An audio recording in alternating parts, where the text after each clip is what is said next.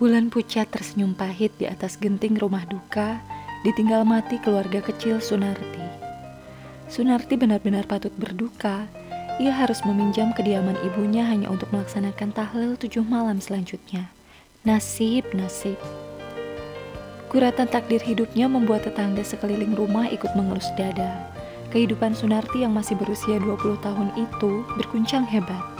Kurang dari 24 jam yang lalu, rumah gedong peninggalan bapaknya habis ditelan bara api, suami dan anaknya mati gosong di dalamnya.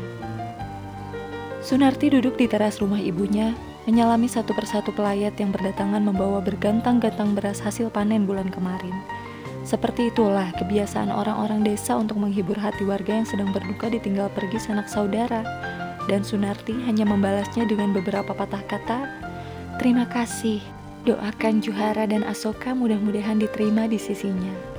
Di antara pelayat-pelayat yang berdatangan, sepasang bola mata yang dipunyai seorang pria memandangi Sunarti dari kejauhan. Mata itu terus menerawang melalui celah dedaunan pisang yang tertanam beberapa puluh meter dari tempat Sunarti berada. Setelah bersalaman dengan Bude Salamah, Sunarti kembali duduk di atas teras dan melayangkan pandangan tak tentu arah. Tidak ada air mata yang menggenang di pelupuk mata, hanya saja semburat luka masih terpancar dari mimik wajahnya. Ganang, orang yang mengintip di balik pohon pisang itu bisa merasakannya. Demi Allah saya yakin dia tidak menyesali kepergian Juhara. Batin Ganang antusias pada dirinya sendiri. Ganang masih berdiri mematung di tempatnya Ingatannya mondar-mandir menyetel kenangan-kenangan di otaknya seperti menyalakan pemutar video. Di benaknya tergambar jelas masa-masa ketika langkahnya untuk meminang Suharti tinggal sejengkal lagi. Namun harus pupus diludahi kenyataan bahwa Sunarti sudah dijodohkan bapaknya dengan seorang anak lurah bernama Juhara. Jodoh memang tidak akan pernah lari ke mana-mana, pikirnya kembali. Menyulut semangat dalam dada yang mulai berapi-api. Masih ada sesuatu yang disimpannya sejak dua tahun lalu. Luka yang didapatkan pasca menghadiri pesta pernikahan Sunarti seperti sudah tidak berarti apa-apa lagi. Suharti kini sudah menjadi seorang janda. Ganang tak akan pernah membiarkan kehidupannya berantakan seperti puing-puing sukai seperjet seratus yang hancur sehabis membentur dinding Gunung Salak. Juhara sudah mati, almarhum bapaknya Sunarti tidak akan lagi menghalanginya. Jikapun beliau masih hidup, tidak ada alasan lagi untuk menolak kesuksesan yang Ganang raih di kota. Ganang menyimpulkan sebuah senyum keyakinan. Dipandangnya Sunarti yang mulai memunggungi dan memasuki rumah. Saya datang untuk mewujudkan kebahagiaan kami yang tertunda, ujarnya dalam hati.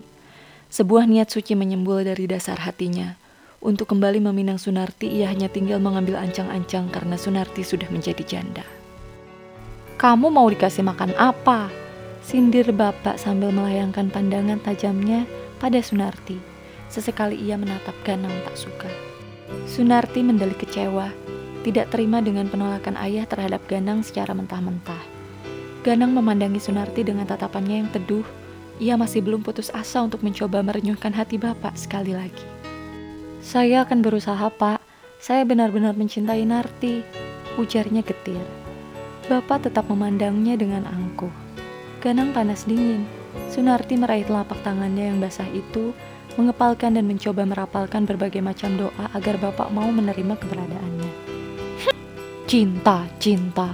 Aku nggak sudi anakku cuma dikasih makan cinta. Bapak terkekeh sendiri sambil memainkan belangkon yang menutupi rambut berubannya.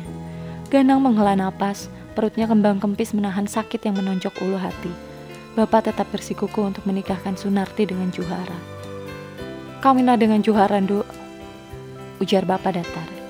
Sunarti segera bangkit dari tempat duduknya, emosinya sudah mengepul hingga ke ubun-ubun. Kalau saja yang bicara tadi bukanlah bapaknya, Sunarti pasti sudah... Ah, ia tak ingin jadi anak durhaka. Kalau gitu saya pamit pulang pak, terima kasih. Gumam Ganang pelan dan segera melangkah meninggalkan bapak yang tetap memandanginya tak acuh. Sunarti menatap bapak sini sejenak kemudian menyusul langkah-langkah Ganang yang gontai. Turuti permintaan bapakmu saja, desahnya menyerah. Sunarti sedih bukan kepalang, dahinya berlipat-lipat dan matanya membulat. Ia merengek-rengek minta Ganang untuk tidak pergi. Kita kawin lari saja, mas. Usulnya gila, Ganang hanya tersenyum dingin dan berusaha untuk berpikir jernih dalam situasi tersulit seperti ini. Tidak mungkin, siapa yang akan mengurus bapakmu nanti?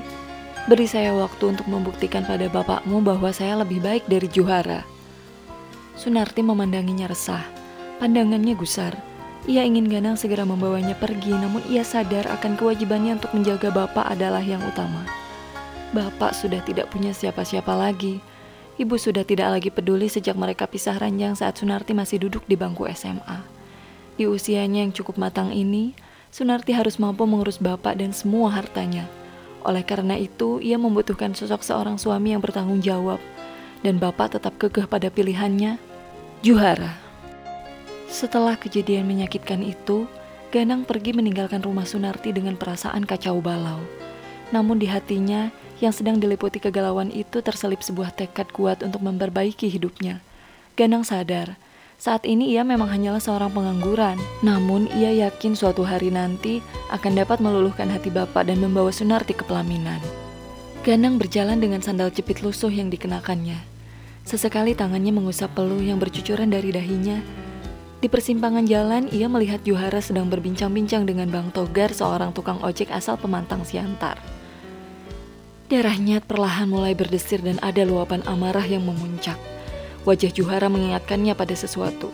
Jikalau tidak dosa, Ganang pasti akan langsung berlari dan menggorok lehernya. Orang inilah yang akan menikahi Suharti. Gila kau, sambil menyela minum air kau. Selain menikahi anaknya, kau juga akan mengeruk habis hartanya kan? Sambar Bang Togar diiringi gelak tawa. Ganang yang baru saja lewat di hadapan mereka kini menyingkir dan bersembunyi di balik sebuah mobil bak yang parkir di dekat mereka. Lihat aja nanti bang, sahut Juhara meyakinkan. Haha, baiklah. Asal jangan kau lupa komisi tutup mulut untukku ya. Ujar Bang Togar kembali. Ganang memicingkan matanya curiga. Ia yakin ada sesuatu yang tidak beres. Ia yakin semua ini berkaitan dengan kekasihnya, Sunarti. Juhara mengangguk mantap. Abang lihat saja besok apa yang akan terjadi. Esoknya, bapaknya Sunarti mendadak terserang penyakit yang aneh. Seluruh badannya lemas dan pucat pasi, Padahal sebelumnya ia masih bugar seperti biasanya. Hal ini membuat Sunarti kelimpungan. Bapak terus memegangi dadanya yang sesak dan megap-megap. Seluruh badannya yang kurus mengejang, Bapak terus saja melafalkan kata-kata tidak jelas. Suaranya seperti tersendat-sendat seperti orang yang tengah sekarat. Sunarti sudah memanggil seorang mantri di kampungnya itu, namun tetap tidak membantu. Sang mantri bahkan bilang kondisi Bapak baik-baik saja. Aneh, saat Juhara datang untuk memastikan keadaannya, Bapak menjadi normal kembali. Ada apa pak? Jangan sakit dong pak. Saya sudah mempersiapkan untuk lamaran Sunarti, semuanya sudah siap, tinggal menunggu bapak sehat lagi. Ujarnya lantang. Sunarti terhenyak. Sejenak ia memandangi Jiji ke hadapan Juhara, saat Juhara balik memandangnya, ia membuang muka. Ya sudah, jangan ditunda, sekarang saja, ujar bapak perlahan. Tiga hari berikutnya digelar pesta pernikahan Juhara dan Sunarti yang walaupun dengan persiapan mendadak, Semuanya tetap terkesan sangat mewah. Maklum, bapaknya Sunarti adalah orang terkaya di kampung dan Sunarti adalah anak satu-satunya. Beliau jelas tidak akan sangsi untuk mengeluarkan sebanyak apa pun uang demi pernikahan anak semata wayangnya itu. Nasib kurang baik tentunya bagi Sunarti yang tak dapat menentukan jalan hidupnya sendiri. Ia hanya bisa pasrah menerima semua cobaan hidupnya. Kegundahan hatinya semakin menjadi-jadi tatkala melihat Ganang hadir sebagai tamu di acara pernikahannya itu. Ganang merasa dihianati, meskipun ia menyadari bahwa bapaklah yang memaksakan kehendaknya pada Sunarti. Sunarti hanyalah menjadi korban otoritas ayahandanya. Ia hanya bisa pasrah dan bersikap sportif. Setelah itu Ganang pergi ke ibu kota bersama rekan-rekannya dari kampung untuk bekerja menjadi seorang office boy di perusahaan milik ayah dari teman SMP-nya. Malamnya seusai pesta itu, sakit tidak jelas yang pernah diderita bapak kambuh kembali. Sunarti panik bukan main karena sudah hampir dua jam lebih kondisi bapak tidak membaik. Semua sudah mengupayakan bapak untuk masuk rumah sakit namun bapak menolak. Berbeda dengan yang lain, Juhara justru santai saja. Dan tak lama setelah itu pekarangan rumah dihinggapi burung siit uncuing. Burung yang selalu datang untuk menandakan kematian seseorang. Kini, hampir 17 bulan sudah Sunarti harus bertahan akan prahara kehidupannya. Pernikahannya dengan pria pilihan bapaknya itu justru membuatnya semakin tersungkur ke dalam lumbung penderitaan. Kekayaan bapak benar-benar dikeruk habis. Bahkan Juhara seakan lupa bahwa istrinya lah yang seharusnya mengatur bekal hidup untuk mereka itu. Semakin lama, kelakuan tak bermoral Juhara juga semakin muncul ke permukaan. Sunarti tidak habis pikir mengapa bapak bisa begitu bersikerasnya untuk menikahkannya dengan bajingan sekaligus penipu ulung itu. Apa yang dilakukan Juhara selama ini hanyalah mabuk-mabukan, menghamburkan uang untuk bermain-main dengan perempuan jalanan, dan bahkan uang-uang itu harus lenyap digerogoti kekalahan saat ikut pertarungan sabung ayam. Gumpalan amarah menyesakkan dada Sunarti. Setidaknya walaupun tanpa rasa cinta, ia masih sangat menghargai pilihan bapaknya itu. Apalagi kini bapak sudah tiada. Namun alangkah kaget bukan kepalangnya saat ia tahu bahwa ternyata bapak mati dikenai guna-guna dan guna-guna itu adalah karya menantunya sendiri yang ingin segera menyedot habis kekayaan keluarganya itu. Sunarti mengetahuinya saat bulan-bulan pertama pernikahannya, saat rumah tangga mereka masih seumur jagung yang masih mentah. Saat itu tukang ojek langganan ibunya Juhara, Bang Togar selalu datang ke rumah setiap sorenya. Dan Bang Togar tidak pernah pulang dengan tangan hampa. Tangannya pasti berbuah, minimal ia membawa beberapa lembar uang seratus ribu. Hei kau Juhara, Hidup kau sudah tentram lah pastinya. Sudah jadi orang kaya lah kau ini. Dukun sakti yang kau panggil untuk mematikan mertua kau itu mati kemarin. Jadi yang menyimpan rahasiaku ini hanya aku sendiri. Cakap Bang Togar yang Sunarti dengar tempo hari itu. Tanpa babi bu lagi, Juhara segera menyerahkan beberapa lembar uang kertas dan Togar pulang dengan raut wajah yang ceria. Sunarti yang saat itu sedang menggendong Asoka kecil, anak mereka yang baru berusia empat bulanan, otak dan emosinya terasa mendidih.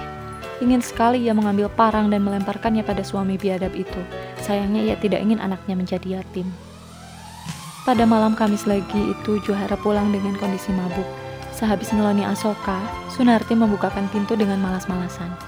Kalau saja Juhara tidak akan mengamuk dan menggedor-gedor pintu rumah hingga memekakan telinga tetangga, ia pasti akan membiarkan Juhara tidur di jalanan.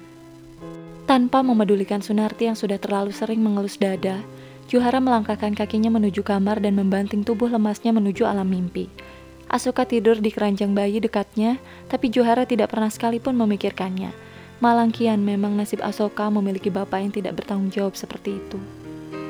Saat itu waktu sudah menunjukkan pukul 3 pagi. Seperti biasanya ini waktunya bagi Sunarti untuk mengumpulkan asap tungku di dapur dan pergi ke pasar dengan menenteng kantong belanjaan yang terbuat dari anyaman plastik warna-warni. Ada hal yang Sunarti lupakan sebelum meninggalkan rumah. Ia tidak mematikan tungku. Bara api terus mencuat dan menjalar ke setiap permukaan kayu-kayu bakar.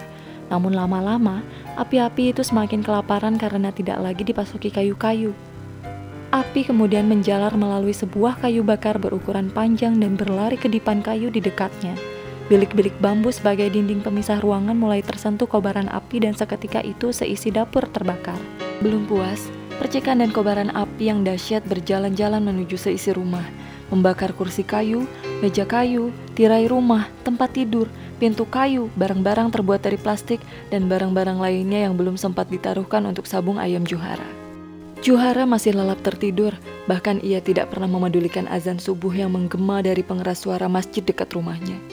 Ia tidak merasakan apa-apa, padahal ancaman datang pada nyawanya dan nyawa anaknya yang tidak berdosa. Sunarti terpaku dengan bibir yang mengatup saat melihat Ganang datang dengan segalanya yang berbeda. Namun tentu saja perasaan bersalah itu muncul kembali. Sejak kurang lebih dua tahun lalu hidupnya didatangi badai raksasa, kini Tuhan kembali otak-atik kehidupan mereka. Jangan membuat almarhum bapak kembali kecewa, tata hidupmu kembali. Lirih ibu, lebih tepatnya adik bapak yang selalu Sunarti panggil ibu di telinga Sunarti. Narti tidak perlu marah sama Allah dia sudah punya rencana untuk kita sejak dulu. Tambah Ganang. Sunarti terenyuh. Ia tidak pernah melupakan lelaki idamannya ini. Sejenak Sunarti teringat bapak, tapi ia bukan lagi anak kecil yang harus mengekor kemauan orang tua saja tanpa ada perjuangan sedikit pun. Ibu setuju-setuju saja, asal kamu bahagia, Cak Ayu, ujar ibu. Ganang akhirnya bisa bernapas lega. Sunarti kini bisa terlepas dari rantai baja yang membuat hidupnya terkungkung seperti katak dalam tempurung. Meski ada perasaan bersalah yang mengganjal di hati Sunarti pada bapak, namun itu diabaikannya. Juharalah yang seharusnya meminta maaf.